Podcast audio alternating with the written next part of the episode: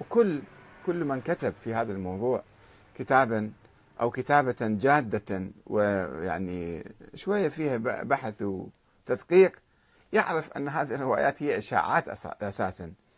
إشاعات مغالية وإشاعات يعني غير طبيعية جدا. فيها خرافات فيها أساطير فيها أشياء علم غيب فيها معاجز فيها أشياء كثيرة لم تتحقق في زمان الأئمة كلهم ولا زمن النبي محمد. صلوات الله وسلامه عليه.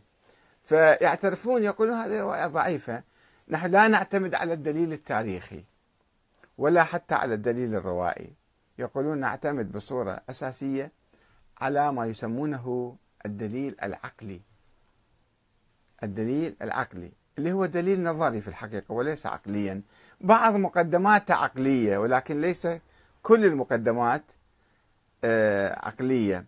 ولذلك لا يمكن أن نطلق عليه هذا دليل عقلي. حتى الشيخ الصدوق يقول أنه مجازا نسميه دليل عقلي وإلا هو يعتمد على مقولات آه، يعني كلامية.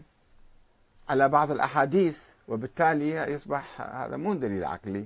لا يمكن أن يصل إليه كل إنسان. الدليل العقلي هو الذي يصل إليه كل إنسان.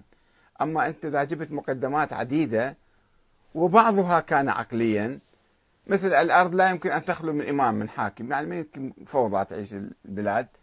هذا دليل عقلي أولي ولكن المقدمات التالية هي مقدمات نظرية وليست عقلية. على أي حال فإذا السيد أنا أصحح السؤال اولا أن السيد الخوئي لم يصل إلى هذه النتيجة ولم يبحث هذه الروايات إنما بحث الرواة وضعفهم. وبالتالي آه، فإذا أخذنا هذه النتيجة وطبقناها على روايات ولادة ابن الإمام العسكري فسوف نكتشف أن هذه الروايات ضعيفة لأن رواتها ضعاف. آه، إحنا طرحنا آه، يعني هذا الموضوع هذا السؤال وأجاب بعض الأخوة يعني كل واحد صار يحلل مثلا فراس الراعي يقول ربما لم يمتلك الجرأة الكافية لرفض عقيدة المهدي التي تشكل حجر الزاوية في النظرية الإمامية الاثنى عشرية. وأنا أعتقد لم يبحثها لم يبحث الموضوع. مو لم يعني ما عنده الجرأة لرفضها. آه، الأخ سيد مناف السعبري يقول الاعتبارات الأخرى حاضرة مع الإنسان دائما فهو قد يصل إلى حقيقة معينة لكن يغفل ما أو يغلف ما وصل إليه بألف غطاء حتى يحافظ على ما هو أقدس من الحقيقة بنظره.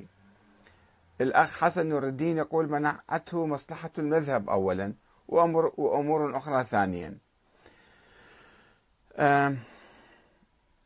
الأخ فيصل الخالدي يقول السيد الخوي اكتشف سرا خطيرا يهدد حياته المهنية والشخصية لأنه لو تفوه بكلمة واحدة من تحقيقه في الرواة الناقلين والنواب العامين الذين ادعوا وجود ابن الحسن العسكري لكفر وأبعد من زعامة المرجعية وظلل ولن يعطيه أحد درهم واحد. يعني هذا كلام فرضي لأنه هو أساسا لن يبحث هذا الموضوع. يعني أنا ما وجدت له بحث أبدا.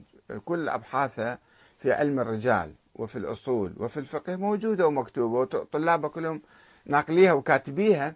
ولكن في هذا الموضوع لا يوجد أي بحث لديه.